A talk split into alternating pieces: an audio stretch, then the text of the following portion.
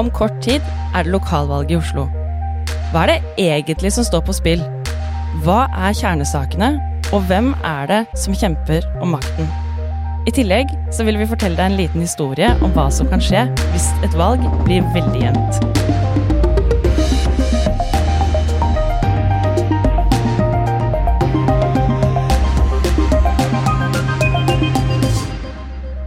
Velkommen til Oslopodden, en helt ny podkast fra lokalavisen Vårt Oslo. Det her det er en podkast for deg som er opptatt av hva som skjer i Oslo. Fordi hver uke så kommer vi til å gå nærmere inn på én sak som har preget byen den siste uken. Jeg heter Oda Guleng, og jeg er journalist i Vårt Oslo. Og han som skal lede den podkasten sammen med meg, han heter Vegard Velle, og han er selveste redaktøren i avisen. Hei, Oda. Hei, Vegard. Hei, Gratulerer med en ny podkast. Takk i like måte. I de første fem episodene av Oslopodden så kommer vi til å gå nærmere inn på kommunevalget. Og i denne episoden skal vi prøve å gjøre det litt lettere for deg å orientere deg i Oslo-politikken og forstå hva som står på spill de neste fire årene. Så Vegard, jeg lurer på, har du tenkt til å stemme ved valget den 11. september? Det kommer jeg til å gjøre. Det har jeg gjort eh, hvert valg, tror jeg. Men eh, i år så var jeg på ferie i Vietnam, Ja. og der har de rett og slett en ettpartistat, og de stemmer ikke ved valget. Når jeg spurte folk hvorfor ikke, så sa de at nei, det ville bare føre til mer konflikt, og de har hatt nok konflikt i det landet. ja, det har de. Flere kriger med både Frankrike og USA, eh, så de hadde ikke behov for en konflikt til. Så vi er heldige her i Norge som både har hatt fred i mange år, men hvor vi også kan delta i demokratiske valg og være med å bestemme hvordan landet vårt skal styres. Ja, jeg er helt enig. Også det å tenke at uh, det å kunne stemme ikke nødvendigvis fører til konflikt. Selv om det gjør jo det på noen måter også, da.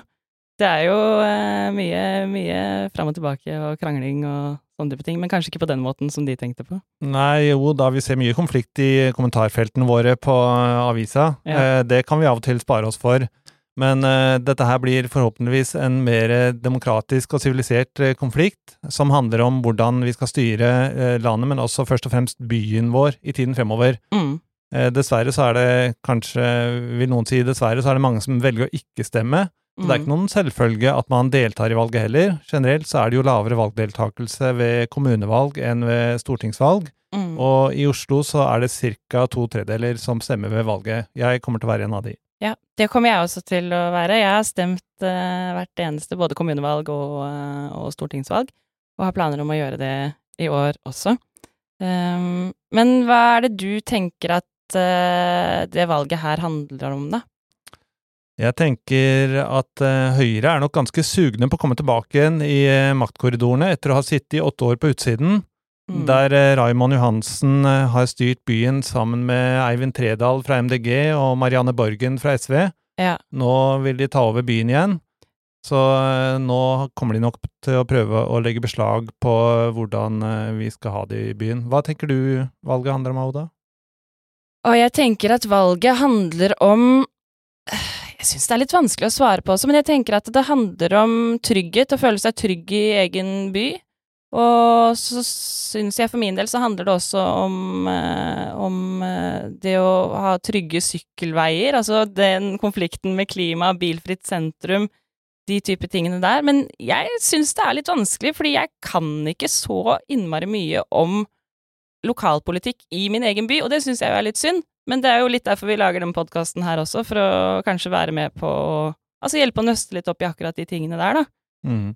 Mm. Jeg, tenker, jeg har hengt meg litt opp i eh, en, et par saker.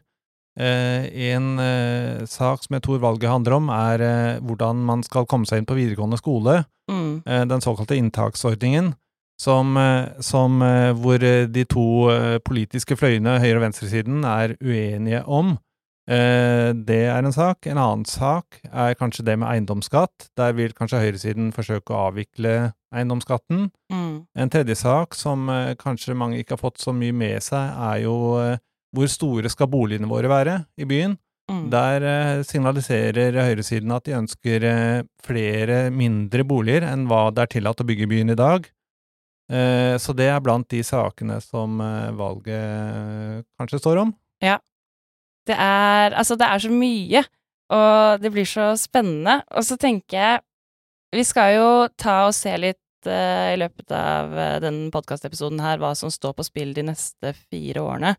Men da må vi kanskje også se litt på hvordan det har vært de siste fire årene. Du nevnte jo at eh, SV og Ap og MDG har hatt makten. Ja, de har hatt flertall i bystyret med hjelp fra Rødt. Kan jeg, jeg vil stoppe deg litt her nå, i bystyret, for det hører jeg hele tiden. Bystyre og byråd, hva er forskjellen på de to tingene? Det er et veldig godt spørsmål, om, et spørsmål som mange er forvirra over. Fordi Oslo skiller seg litt fra andre kommuner i landet, på den måten at vi har et bystyre som kan sammenlignes med et kommunestyre andre steder i landet, Ok. og så har vi et byråd, en slags byregjering, Mm. som springer ut fra bystyret, som består av de partiene som styrer byen. I Oslo så er det Arbeiderpartiet, SV og MDG som sitter i byråd. Du Mm. kan altså sammenligne med en slags byregjering, og så har vi en ordfører som kanskje kan sammenlignes med stortingspresidenten, okay. som eh, klipper snorer og smiler og er glansbildet på byen vår. Ok. Så du har Altså, du kan sammenligne byrådet med regjeringen, da, og bystyret med Stortinget, hvis du skal dra det litt større og se nasjonalt? Det stemmer. For å forenkle det for min, eh, for min hjerne, som syns at det her kan være litt vanskelig. Ja, vi må ikke gjøre det for enkelt heller, fordi eh, du kan også i årets valg stemme på 15 bydelsutvalg. Alle som bor her i byen. Vi bor i et område av byen som kalles en bydel. Mm. Og i hver bydel så har du et bydelsutvalg som eh, består av 15 politikere som styrer ditt område av byen. Det kan du også stemme på. Ok. Så det er mye vi må ta stilling til, egentlig, ved det valget her, da. Ja, det er eh, to ting du primært kan stemme på. Du kan stemme på bystyret og hvem som skal styre byen. Ja. Og du kan stemme på bydelsutvalget ditt og hvem som skal styre ditt område av byen. Mm. Jeg skjønner. Nei, du snakka jo altså sånn Jeg avbrøt deg jo litt her eh, mens du var i gang med å fortelle litt hvordan det har vært eh, de siste fire årene nå. Ja, kort oppsummert så gikk jo Høyre og Arbeiderpartiet ganske mye tilbake ved det forrige valget, mens SV og MDG gikk eh, ganske mye frem. Eh, så kan det tenkes at dette vil endre seg en god del eh, ved årets valg, men Mm. jeg er ikke den fremste eksperten på denne tematikken her. Og for å, å innføre oss i eh, hva som kan skje i årets valg, så har vi fått med oss eh, en av byens fremste valgeksperter, Johannes Berg, fra Institutt for samfunnsforskning, hvor han er eh, valgforsker. Eh, Hva tenker du eh, at eh, årets valg eh, handler om, Johannes? Jo, takk for invitasjonen, for det første, og gratulerer med podkast. Tusen takk. Dette blir spennende å følge videre. Altså, um, jeg vet jo ikke hva valget vil handle om, fordi det er opp til velgerne å bestemme. Uh, Hvis vi ser på tidligere eh, valg i Oslo, f.eks. i 2019, så var klima- og miljøsaken den viktigste Mm. saken her i Oslo. Og det som uh, gjør Oslo litt forskjellig fra landet for øvrig, er at eh, klima- og eller miljøspørsmål er viktigere her eh, enn i landet eh, ellers, og særlig da blant unge velgere. Tror du det er fordi vi bruker byen så mye, altså sånn mm, sykler og sykkelveier og parker og øyene og sånne type ting? Jo, det, det, det kan nok være, men samtidig bruker de jo naturen i andre deler av landet Ja, det- også. Så, men men, det, men det, det kan ha flere grunner. altså Delvis har man en, en litt yngre befolkning her som er mer Mm. opptatt av den saken. Du har en høyt utdannet befolkning i Oslo som er opptatt av den saken.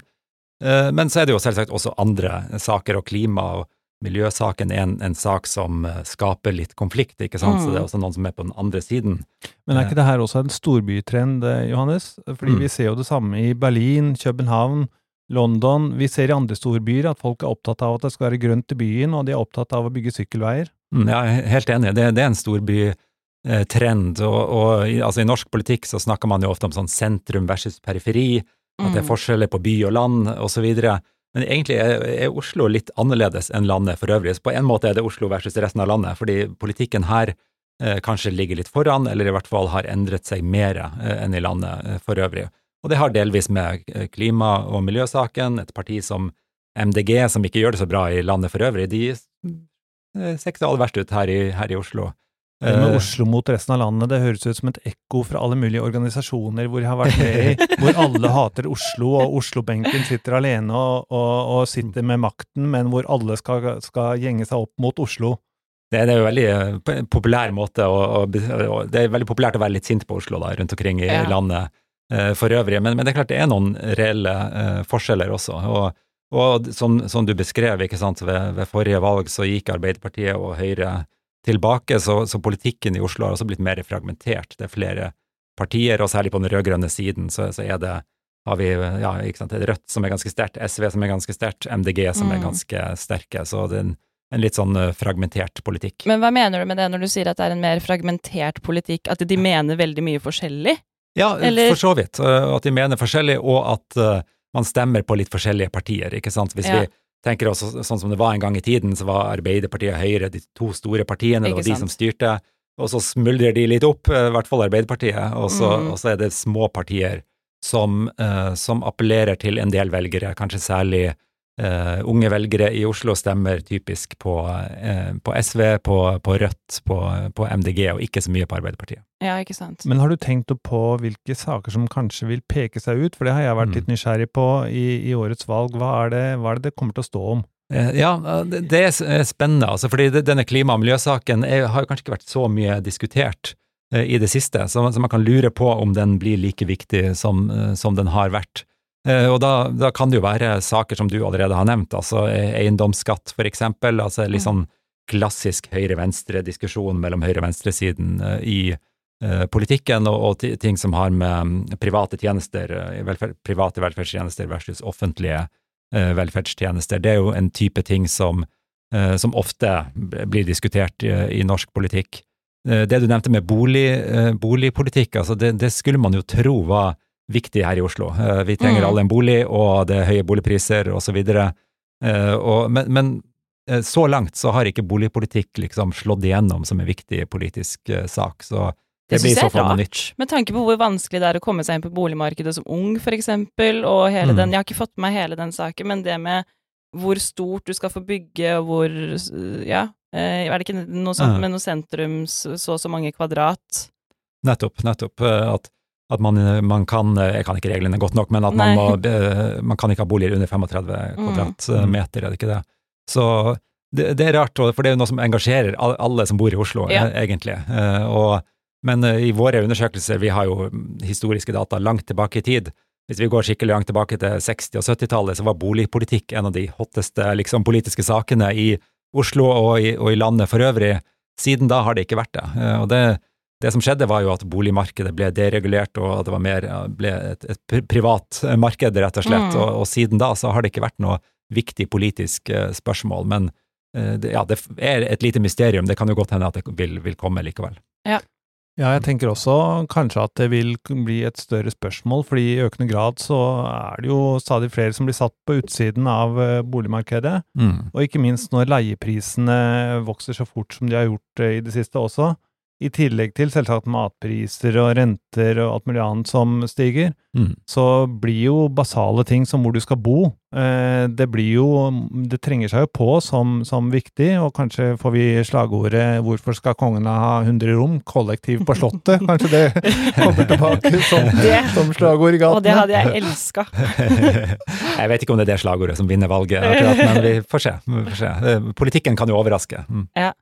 Men det er det, som, det er det her du tenker er uh, litt kjernesakene, da? Jeg tenker det er I, saker som, som, mange velgere er opptatt av. Altså, ja. I lokale valg så er jo ikke sant, eh, kommunen tilbyr eldreomsorg, skole er alltid en viktig sak. Mm. Hvis man har barn som går på skole, eller selv ja, ja. går på skole, så er man jo opptatt av, av, det. Så det er en type saker som alltid er, viktige. Også, men hvem vet, det, eh, det morsomme med politikken er at plutselig dukker det opp en helt ny sak midt mm. i valgkampen som mm. blir den avgjørende uh, saken. Så, ja, så ingen av oss som sitter her vet akkurat hva som blir uh, avgjørende i valget. Nei. Mm. Jeg lurer også på, Du var litt inne på det i stad, at du snakka om at uh, tidligere så stemte man altså ofte tradisjonelt enten Høyre eller Arbeiderpartiet, men nå mm. er det litt mer fragmentert. Altså, hvem, hvem er Oslo-velgerne? Ja, altså Oslo-velgerne er jo en mangfoldig gruppe, selvsagt. Og Oslo har jo alltid vært en delt by sånn politisk, ikke sant. borgerlige partier gjør det bra, mm. på vestkanten, uh, de rød-grønne partiene gjør det bra på, på, østkanten, og sånn er det til dels uh, fremdeles. Uh, ja. Men, men det, det, er klare sånne geografiske skiller. Min kollega Tor Bjørklund han skiller byen inn i tre kategorier, da, liksom indre øst, indre vest, ytre øst, ytre vest. Uh, ja, det ble fire. Jeg prøver bare å få det stedet litt for meg i hodet mitt her. Ja. Du har øst og vest, og så har du en indre og en ytre ja, variant av, av, av, det. da, og liksom, typ, Indre øst gjør MDG, Rødt, SV det er kjempebra. Mm. Eh, Ytre øst så Arbeid, har Arbeiderpartiet stått veldig sterkt, men de sliter litt der også nå. Mm. Eh, Ja. eh, Mens på eh, indre vest, så Venstre eksempel, gjør det mye bedre Mm. der enn andre steder, mens eh, ytre, ytre vest er det Høyre som er det store eh, partiet. Så det er en geografisk delt by, og også, også delt når det gjelder valgdeltagelse. Sånn at Mm. deltagelsen er høyere på, på vestsiden av byen, og ja, lavest type i, i Groruddalen eller uh, Oslo sør. Uh, så, så der uh, de, et parti som Arbeiderpartiet og kanskje de rød-grønne partiene har jo litt interesse av å forsøke å få folk til å stemme. Ja, ja, ja. Det som, det som skjedde som var litt spesielt i forrige valg, var jo at vi fikk et nytt parti som het Folkets parti, som Mm. endte opp på nesten 6% av stemmene, fire delegater i bystyret, som tok over en god del av Arbeiderpartiets stemmer. Nå som eh, de kanskje er på vei ut, eh, kan det virke som, så ta, virker det ikke nødvendigvis som Arbeiderpartiet tar tilbake de stemmene som Mm. de mister fra, fra eh, bompengepartiet eller Folkets parti. Mm. De går kanskje til høyre, og det er jo litt spesielt at Groruddalen, som har vært en Arbeiderpartibastion, at, at de kan være i ferd med å tape flertallet, i hvert fall sånn som det har ligget an i meningsmålinger på forsommeren, så ser det sånn ut, og det kan jo endre valglandskapet og få store konsekvenser for hvem som styrer byen fremover, da. Helt enig, og det er jo påfallende. Arbeiderpartiet har en veldig populær byrådsleder ikke sant, som styrer Mm. byen, men han eh, klarer ikke å få eh, mange nok stemmer til eh, sitt eget parti. Og, og i Groruddalen, som du sier, det har vært en Arbeiderparti-bastion. Det er en stor innvandrerbefolkning i Groruddalen som har vært lo veldig lojale til Arbeiderpartiet. Eh, mange av de gikk til bompengepartiet da i, i 2019. Eh, ved stortingsvalget for to år siden så satt mange av de hjemme, altså de stemte ikke. Så, så de, Arbeiderpartiet mistet de velgerne på en måte, men har ikke klart å få de tilbake, og til og med har de blitt litt sånn demobilisert og, og sitter hjemme. Så, så det var jo et litt et dårlig tegn for Arbeiderpartiet, og et dårlig tegn generelt, at folk ikke, ikke finner seg et annet parti eh, å stemme på. Så, så valget i Groruddalen eh, vil være viktig ja, for byen som helhet, men særlig for Arbeiderpartiet. Da, for det, da, hvis de mister Groruddalen, så, så mister de en, en, et kjerneområde for det partiet. Ja. Men ikke bare Arbeider- Arbeiderpartiet, også MDG sliter jo eh, på en del av de målingene jeg har sett, hvor de kan miste både en del prosentandeler og eh, mandater da i bystyret. Så da, hvis støttehjulene til, eh, til Arbeiderpartiet eh, også blir borte, så begynner det å, å se stygt ut eh, for styringen av byen for dem i årene som kommer. Ja, helt enig. Så, så det er, men det, ligger, så, sånn som jeg tolker det, an til et veldig spennende og jevnt valg eh, i Oslo. Fordi Høyre gjør det jo kjempebra.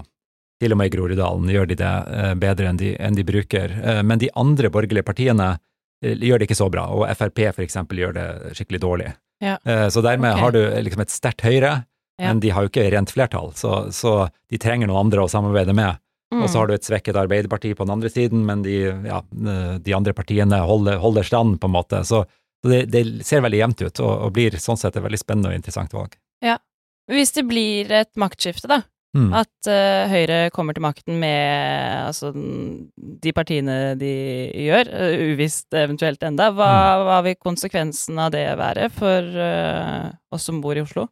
Ja, altså, jeg, eh, jeg tror ikke det blir eh, verdens undergang, det, men det blir jo en endring av politikken, eh, selvsagt, på- noen områder. Og så kommer det an på hvem Høyre samarbeider med. Det har jo vært litt diskusjoner, kan det hende at MDG skifter side Ja. og samarbeider med Høyre? For de er tradisjonelt på venstresida. De, de har, ja, de er jo ikke et så gammelt parti, så de har nesten ikke tradisjoner, men de, de sier Nei, jo at at de tilhører begge sidene. Ja, for de nekter litt å ta stilling sånn ordentlig, gjør de ikke det? Ikke sant? Ja. Men i praksis så får de jo velgerne sine stort sett fra rød-grønne eh, partier, så jeg tror kanskje noen MDG-velgere blir litt sure hvis, hvis det partiet skifter side. Ja. Men det, det var en digresjon. Altså, jeg tror at eh, hvis MDG samarbeider med Høyre, så må man jo anta at mye av den politikken som MDG har stått for de siste fire årene, også blir videreført med et borgerlig eh, byråd, da. Mens hvis, det, hvis de klarer, de borgerlige partiene får flertall uten MDG, så, Mm. så kan det jo hende at, at det blir eh, At den politikken ikke blir videreført i like stor grad. Og så er det, det ja, MDG ofte har pekt på, er jo at eh, sykkelveiutbyggingen i Oslo har jo vært en eh, vedtatt politikk for lenge siden. Mm. Og Venstre har jo eksempel vært veldig pro den, og Mm. Høyre også. Mm. Men uh, at den har ligget i skrivebordsskuffen og ikke blitt realisert før MDG kom til makten. Eh, noe som, og det har jo vært en del strid om eh, utbyggingen av sykkelveier, så spørsmålet er jo om det vil skje like hurtig fremover, hvis ikke MDG fortsetter å sitte ved makten og er en garantist for at det skal skje. En annen ting, tenker jeg, som er, er viktig, det er det her med privatisering. Uh, du nevnte det i starten, det her med velferdstjenestene, og det er jo både barnevern, nå sier, nå sier både Arbeiderpartiet og Høyre at det skal være et, et valg om, om eldre og eldreomsorgen. Eh, og Arbeiderpartiet lover at de skal ansette 800 flere personer i eldreomsorgen, mens uh, Høyre sier at uh, eldreomsorgen har vært elendig under uh, Arbeiderpartiet, og lover å gjøre den bedre. Og da tenker jeg at noe av det vil handle om at de vil slippe private tilbydere, tilbydere til for å, Mm. for å styrke eldreomsorgen. Mm. Så det er nok Det med privatisering tenker jeg at kan vi se mye mer av hvis Arbeiderpartiet tar over styringen Nei, Høyre tar over styringen av Ja, nettopp. nettopp. Mm. Det virker, virker rimelig. Og det, det er jo helt sånn klassiske skiller i, i norsk politikk, og på, på en måte bra at vi har tydelige alternativer å, å stemme på, at Mm. velgerne vet at eh, stemmer man på Høyre, så får man noe annet enn hvis man stemmer på Mm. eh, noen av de rød-grønne partiene. Mm. Jeg er, eh, jeg er veldig nysgjerrig på den historien vi skulle få høre, men jeg har et spørsmål før det, som eh, omhandler da altså eventuelt maktskifte og, eller ting som blir gjort når nye partier kommer til makten uansett. Da. Hvor kjapt pleier man å se de endringene? For det kommer jo ikke over natta. Er det sånn at de bruker fire år på å igangsette ting? Når er det vi eventuelt Når er det vi vil se endringer? Ja, ja, det, det er jo et bra spørsmål. Kommer an på hvor effektive de er. Du tenker på endringer i politikken? Ja, endringer endringene i politikken Mm, ja. som da har konsekvens for hvordan jeg som Oslo-beboer Mm, mm. eh, lever, da. Ja, ja. Jeg vet ikke om jeg kan svare veldig godt på det, men noen politikkområder kan de sikkert endre med en gang, sånn at man merker det til neste år. Jeg antar at det å fjerne eiendomsskatten er noe som ikke tar veldig lang tid, Mm. eh, for eksempel. Så, og de skal jo da vedta et nytt budsjett osv., og så videre, så noen ting kommer raskt, og andre ting bygge sykkelveier eller andre sånn store infrastrukturprosjekter tar mye, mye lengre tid. Da. Så, Mm. Men det er jo også noe som de blir målt på, på en måte, av velgerne. Liksom. Hvor effektive Ja. er de, og klarer de å gjennomføre politikk, eller drar det bare ut, liksom? Ja. Mm. Man kan se ganske raske endringer. Jeg husker da Raymond kom til makten eh, for åtte år siden, så hadde du den såkalte søppelskandalen med Mm. Veireno som styrte søppelhentingen i byen. Eh, der ble det taktskifte over natten, hvor, eh, hvor det rød-grønne byrådet da tok tilbake tømmingen av søppel på kommunens hender, og avskaffet privat anbud, eller anbud innenfor søppelhenting. Det var en ganske stor eh, endring, hvor mange ansatte eh, ble ansatt i kommunen under, med bedre arbeidsforhold enn det, det de hadde fra før. Mm. Så det var jo en ting som var populært på det tidspunktet. Ja, nettopp. nettopp. Og det er kanskje også litt uttrykk for det vi snakket om i, i starten, altså hvordan at man har det, det såkalte parlamentariske styresettet, at man har en byregjering. Ja. Det betyr også, det, det kan også være en mer handlekraftig måte å styre byen på, fordi man har flertall, og det er et litt sånn hierarkisk system Mm. at, at, uh, at byrådet bestemmer, ikke sant, og så får man gjennomført politikk. Man trenger ikke å bli enig med alle, alle partiene. Det er sant. Mm. Du hadde en historie, Johannes, Ja. om, eh, om hva som eh, kan skje ved veldig jevnt valg. Ja, nettopp. Eh, I, eh, I 1995 så var det et jevnt valg eh, i Oslo, og de borgerlige fikk flertall med ett mandat, kun ett mandat. Da ble det forhandlinger mellom Frp og Høyre om, om å styre byen, og de Frp ønsket at man skulle ha et såkalt innvandrerregnskap, det vil si man skulle finne ut hva innvandrerne kostet okay. byen, på en måte. Så det var jo Eh, litt sånn eh, liksom eh, et, Man hadde et kritisk perspektiv på, Ja, på innvandrerne, da. Veldig Frp. Veldig Frp, kan du si. Og så var det en representant for Høyre, Khalid Mahmoud, som satt i bystyret. Han stemte imot og felte dermed denne muligheten for at de kunne, mm. kunne styre byen. Han meldte senere overgang til Arbeiderpartiet, og dermed ble det et rød-grønt flertall fortsatt i, i byen, og og fortsatt rød-grønt styre. Så det er en illustrasjon på at ja, for så vidt enkeltpolitikere kan ha mye makt, Ja, ja. men det var jo ikke så mange stemmer som lå bak dette jevne resultatet heller, så det er jo også en illustrasjon på at vi som velgere har mye makt. Ja. Eh, Særlig ved et jevnt valg så kan Ja. bare noen få stemmer avgjøre hvem som får flertall i Oslo. Det var jo en, en for å supplere deg litt der, så Mm. var det, det er en historie på det motsatte også, hvor det var en avhopper fra Arbeiderpartiet som lot være å stemme slik partipisken ønsket i Arbeiderpartiet, og stemte for at eh, operatomta skulle bli det som vi i dag kaller for operatomta, skulle bli opera. Det var jo ikke noen selvfølge at Munch-museet skulle flytte fra Tøyen og ende opp eh, der hvor det ligger i dag, i Bjørvika. Mm, mm. Så der har du eh, en avhopper fra Arbeiderpartiet i motsatt Stemmer. retning. Mm. Og i årets valg, så, som det også ligger an på enkelte målinger til å bli et veldig jevnt valg, så kan du jo faktisk få et nytt parti eh, som, som tar over der Folkets Parti kanskje slipper. Eh, Industri- og Næringspartiet med Berit Torbjørnsrud som eh, leder fylkespartiet av, av det partiet. Som da kan bli eh, et parti som avgjør hvem som skal styre de neste fire årene her i byen. Ja, eh, politi lokalpolitikk er morsomt, og det kan bli, det kan bli spennende å se hvordan det går. Det blir eh, veldig spennende. Jeg, jeg er spent på hva som skjer i valgkampen frem mot eh, 11. september også. Men eh, ja, takk skal du ha, Johannes eh, Berg, for at du kom hit til oss og gjorde oss litt klokere Takk for at jeg fikk komme. for, eh, på hva som står på spill de neste fire årene. Eh, Oslopodden er ferdig med sin aller første episode. Vi kommer tilbake neste torsdag, og vi håper at du vil høre på oss da også.